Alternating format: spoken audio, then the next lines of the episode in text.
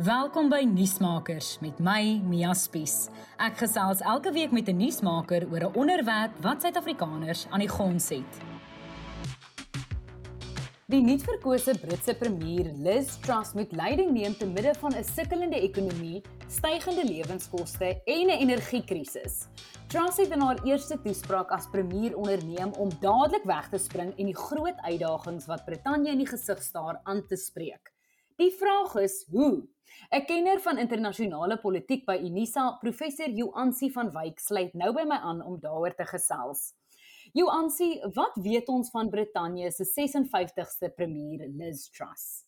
Ja, Mia, sy is natuurlik nou die opvolger van die uh, Britse premier Boris Johnson. Sy is 47 jaar oud, opgelei as 'n rekenkundige by die Universiteit van Oxford waar haar pa 'n uh, professor in um, wiskunde was en haar ma was 'n verpleegster en sy het haarself dan nou baie vroeg in die politiek bevind en natuurlik dan nou ook later in verskeie kabinette gedien. Sy is dan nou in Boris Johnson se kabinet het sy onder andere in die jeugportefeulje gedien en dan ook as minister van buitelandse sake in die Britse parlement.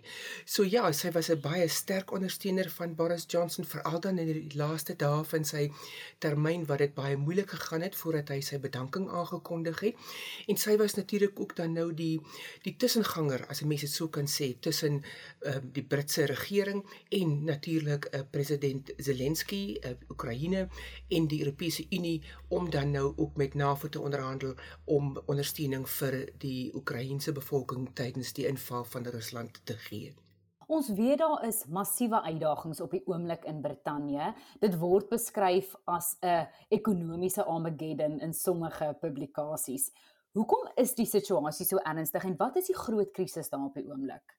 Ons moet onthou dat Brittanje se krisis is miskien nie dieselfde krisis as wat ons sou byvoorbeeld ervaar nie. Die Britse pond bly nog baie baie sterk, maar dit is 'n bevolking wat gewoond is aan 'n baie hoë lewensstandaard en hulle sukkel natuurlik veral in die periode na ehm um, COVID uitgebreek het en natuurlik nou um die nuwe normaal aan te pas en dit het geweldig baie um koste natuurlik geverg om weer terug te kom waar die Britse regering homself nou bevind. Buiten dit is daar natuurlik nou die energiekrisis wat dan nou saamval met die groot beleggings wat Brittanje dan nou in die verdediging van Oekraïne belê saam met NAVO en die Europese Unie. En dan natuurlik is dit wêreldwye ek ekonomie wat geaffekteer is deur die pandemie en die Britse ekonomie wat so groot is en wat so wyd versprei is oor die globale ekonomie is natuurlik nie net as 'n vervaardiger geraak nie, maar ook as 'n 'n invoerder en 'n afhanklike staat van ander state vir van sy produkte. So hierdie is dan nou ook van die goed wat dit, dit veroorsaak het en natuurlik ook die verwagtinge van die Britse publiek. Ehm um, hulle het natuurlik ook hulle self nou uit die Europese Unie uit ehm um, bevind met Brexit byvoorbeeld en die Britse ekonomie moet nou nog aanpas by hierdie nuwe ekonomiese werklikhede wat hulle dan nou in die gesig staar. Ons weet dan ook dat die situasie rondom Noord-Ierland en die Europese Unie, die sogenaamde protokol, um, moet nog onderhandel word en die detail um, moet onderhandel word en tussen dit alles probeer Skotland natuurlik ook nog binne die Europese Unie bly en dit is nog groot politieke gevegte wat geveg moet word. Ek hoor die Adidas praat lekker saam daar in die agtergrond prof. Ehm um, dan net op 'n volgende noot, ons weet natuurlik het vroeër gesê haar voorganger is Boris Johnson wat na 'n paar skandale nou daar weg is uit hierdie amp uit. Dink jy dit is vir haar moeiliker om nou die leiding daar te neem na iemand soos Boris Johnson of is dit juist makliker omdat daar 'n paar skandale om hom gehul was? Ek dink nie so nie. Sy het haar nooit gedistansieer van Boris Johnson nie. Um, Inteendeel, sy het hom in haar eerste toesprake verwys as haar vriend Boris Johnson. Sy het hom bedank vir die feit dat sy in sy kabinette kon dien. Ehm um, so daar dit lyk vir my asof daar 'n baie goeie band tussen hulle twee was en dat hulle ehm um, albei natuurlik baie ambisieus, Johnson baie meer charismaties byvoorbeeld as sy. Maar ek het die idee gekry dat hulle nie mekaar um, as opponente beskou het nie. Sy het nooit um, gesê byvoorbeeld dat dat sy uh, om kritiseer nie. Sy het wel aangekondig dat sy sal aangaan op die werk want sy het haarself elke keer terugverwys in die toesprake wat sy in hierdie kort tydjie as eerste minister gemaak het het, wat sy gesê het is dat die konservatiewe party 'n mandaat gekry en dat sy dan gaan deel wees om daardie mandaat dan uit te voer en dan die die konservatiewe party te lei na die volgende verkiesing in 2024. Um, so sy het haar nooit opgestel as 'n teenstander van Johnson nie. Ehm um, inteendeel sy het ook nooit bedank toe die die eerste groep ehm um, bedankings plaasgevind het nie. Maar sy het basies net gesê daar's werk wat gedoen moet word. Dis nie voltooi nie en sy gaan net aan. So so daardie spanning tussen hulle twee, die twee verskillende persoonlikhede het het nooit ehm um, ehm um, byvoorbeeld in die openbaar uitgekom nie en ja, ek dink dit is gewoon net sy is 'n ambisieuse persoon, sy neem oor by hom en die die ehm um, metafoor van 'n ehm um, aflos ehm um, hardloper is ook dikwels gebruik so sy gaan basies net aan waar hy opgehou het.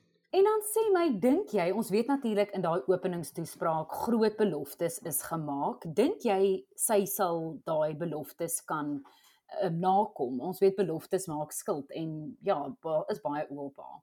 Ja, ons wag natuurlik nou vandag die 8de 8de September vir die aankondigings wat sy gemaak het. Sy het gesê dat sy uh, beplan om groot um, nuwe aankondigings te doen om dan die Britse ekonomie te stimuleer om dan onder andere die nasionale gesondheidstelsel um, weer op sy voete te plaas en dan om te sorg dat daar dan ook verligting in terme van die energiepryse um, in Brittanje is. Want ons weet dat Europa is baie afhanklik van Russiese aardgas wat dan nou in hierdie stadium um, met die sanksies teen um, Rusland dit baie moeilik maak vir Europa om hierdie sanksie ag hierdie uh, gas in te voer en natuurlik is Putin speel hy ook natuurlik nou gaslynpolitiek en dit is natuurlik nou van die goed wat Listras gaan probeer. Nou die vraag is hoe gaan sy dit doen?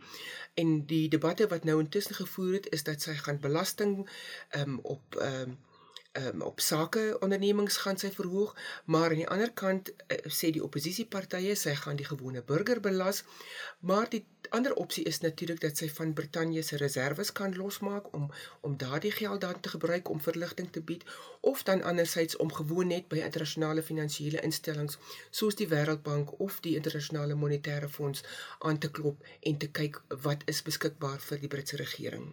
Johansie, dan weet ons natuurlik sy was vroeër sterk gekant teen Brexit. Wat se impak kan dit op haar termyn hê? Sy het haarself baie vinnig weer aan die ander kant bevind. Dit wat dui vir my daaraan dat sy is regtig 'n baie ambisieuse politikus. Sy het gesien hoe die wind waai, sy het haar mantel daarna geswaai en natuurlik nou is dit waar Brittanje homself vandag bevind. En daar is 'n sterk sin vir die Britse identiteit, die Britse as ek dit kan noem, die can do attitude. En sy gaan nou natuurlik nou sit met hierdie realiteit van is daar 'n manier wat Brittanje homself kan handhaaf as 'n baie sterk ekonomie en dit het ook uitgekom in in van haar eerste toesprake is waar staan Brittanje teenoor die Europese Unie, die Europese Unie as 'n ekonomiese blok byvoorbeeld. Maar ons weet aan die ander kant dat dat die veiligheidsverbande is baie nou en natuurlik die ekonomiese bande sal baie nou bly. Maar terselfdertyd moet 'n trasregering natuurlik nog baie tegniese detail deurwerk om werklik aan die die Brexit ooreenkoms ehm um, gestand te kan doen.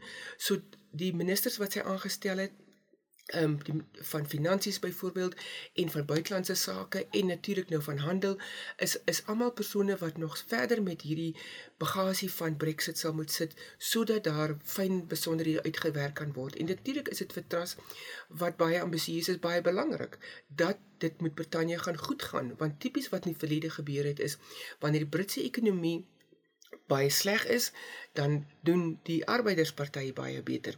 So vir die konservatiewe party om die ekonomiese groei te handhaaf, um, is dit belangrik dat mense dit wesenlike verskille aan hulle lewens voel sodat hulle dan kan sê maar goed, dit gaan beter met ons almal. Hierdie regering is meer in staat daartoe as die arbeidersparty om e, beter ekonomiese um, lewensgehalte um, te bring. Wat beteken koningin Elizabeth se afsterwe vir Truss se premierskap? Dit kan natuurlik um, en ons weet dat dit is die 15de Britse eerste minister wat die koningin dan nou ehm um, gevra het om 'n regering te vorm en sy is 70 jaar op die troon so sy het weliswaar 'n baie groot invloed in die Britse politiek um, as 'n simbool gespeel hoewel sy nie dan nou tipies betrokke is by die dag daaglikse regering nie. Maar ons weet dat in tye wanneer 'n simbool byvoorbeeld aangeraak word in 'n staat of in 'n regering, dat daar 'n baie groot um, samesnoering van mense is. Ons het dit gesien met gebeure rondom byvoorbeeld president Mandela se afsterwe. Ons het dit gesien met um, Diana se se begrafnis en afsterwe. Wanneer sulke groot simbole en veral dan die Britse monarg wat die simbool van die Britse identiteit en staat en samelewing is, dit kan 'n geweldige invloed hê wat natuurlik tot trasse voordeel kan werk. Want sy is dan soort van die die versorger, ehm um, die die die gesig van die regering wat dan ehm um, die staatshoof te ruste moet lê en soort van haar lof moet besing en dan heel moontlik ook sal moet betrokke wees by die die die nuwe eh, monarg wat dan gaan inkom. Ek weet dit is nog baie vroeg om te sê, maar hoekom sy vir jou voor? In hierdie stadium kom sy nog voor as 'n baie liggewig. Sy het nie die charisma van haar voorgangers, veral dan die twee vrouens wat haar voorgegaan het nie. Maar ek sien uit daarna om te sien hoe dat sy ontwikkel as 'n leier. Haar eerste sessie as eerste minister um, in in tydens vraatyd um, gister in die Britse huis het sy baie goed na vore gekom, baie selfvertroue gehad, lekker humor ingebring, maar tog ook nie soveel detail gegee omdat sy vandag hierdie groot aankondiging gaan maak. En natuurlik ook ehm um, dit is nie die eerste keer dat sy in die Britse parlement praat en haar op teen haar oppositie moet ehm um, swaarde kruis nie. So ja, die gebeure waarna jy, jy verwys het is maar een van die moontlike goed wat gaan gebeur. Ons sal natuurlik ook sien wat verder in Europa gebeur met Oekraïne en natuurlik al die ander veranderlikes wat ons nie nou kan voorsien nie. Dan net laastens van my kant af, hoekom moet Suid-Afrikaners omgee? Het dit enigsins 'n impak op ons land en ons lewe wie die premier van Brittanje is? Dit is vir ons baie belangrik omdat dit een van die grootste industriële lande is in die wêreld, lid van die sogenaamde G7. Die G7 het um, die afgelope paar jaar gereeld wanneer hulle ontmoet die Suid-Afrikaanse regering uitgenooi om deel te wees van hulle besprekings. Dit nommer 1 dan natuurlik die koloniale geskiedenis wat ons het, die grondwetlike geskiedenis wat ons saam met Brittanje het as 'n as 'n kolonie en natuurlik later as deel van die Britse Commonwealth. Ons is nou nog steeds in die Britse Commonwealth. Wieles waar het die grondwetlike bedeling in Suid-Afrika verander. Ons is 'n unie gewees, nou is ons 'n republiek. Nou is ons op 'n heeltemal 'n ander ehm um, is ehm um, is posisie, maar ons bly lid van die Britse ehm um, Commonwealth natuurlik. Ons het ehm um, natuurlik in Brittanje Engels is een van die amptelike landstale, so daar's ook daardie kulturele band. En Brittanje is een van ons grootste handelsvennote. Ons voer baie uit na Brittanje en natuurlik is baie Britse produkte in um, in ons land beskikbaar. So daar's baie goeie handel tussen ons lande landbou veral dan nou ook en minerale en dan vervaardigde produkte.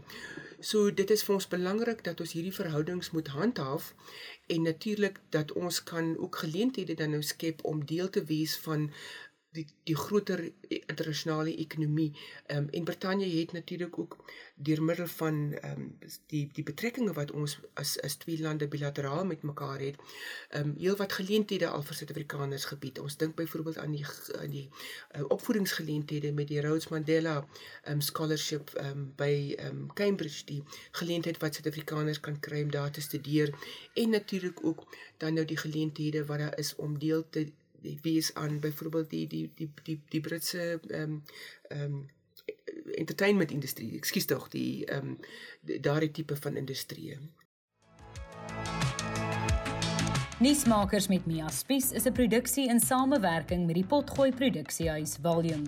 Ons vervaardigers is Roland Perolt en Kairen Blau. Moenie volgende week se episode misloop nie wanneer ek weer by 'n kenner aanklop om lig te werp oor 'n kwessie waaroor ons meer moet weet.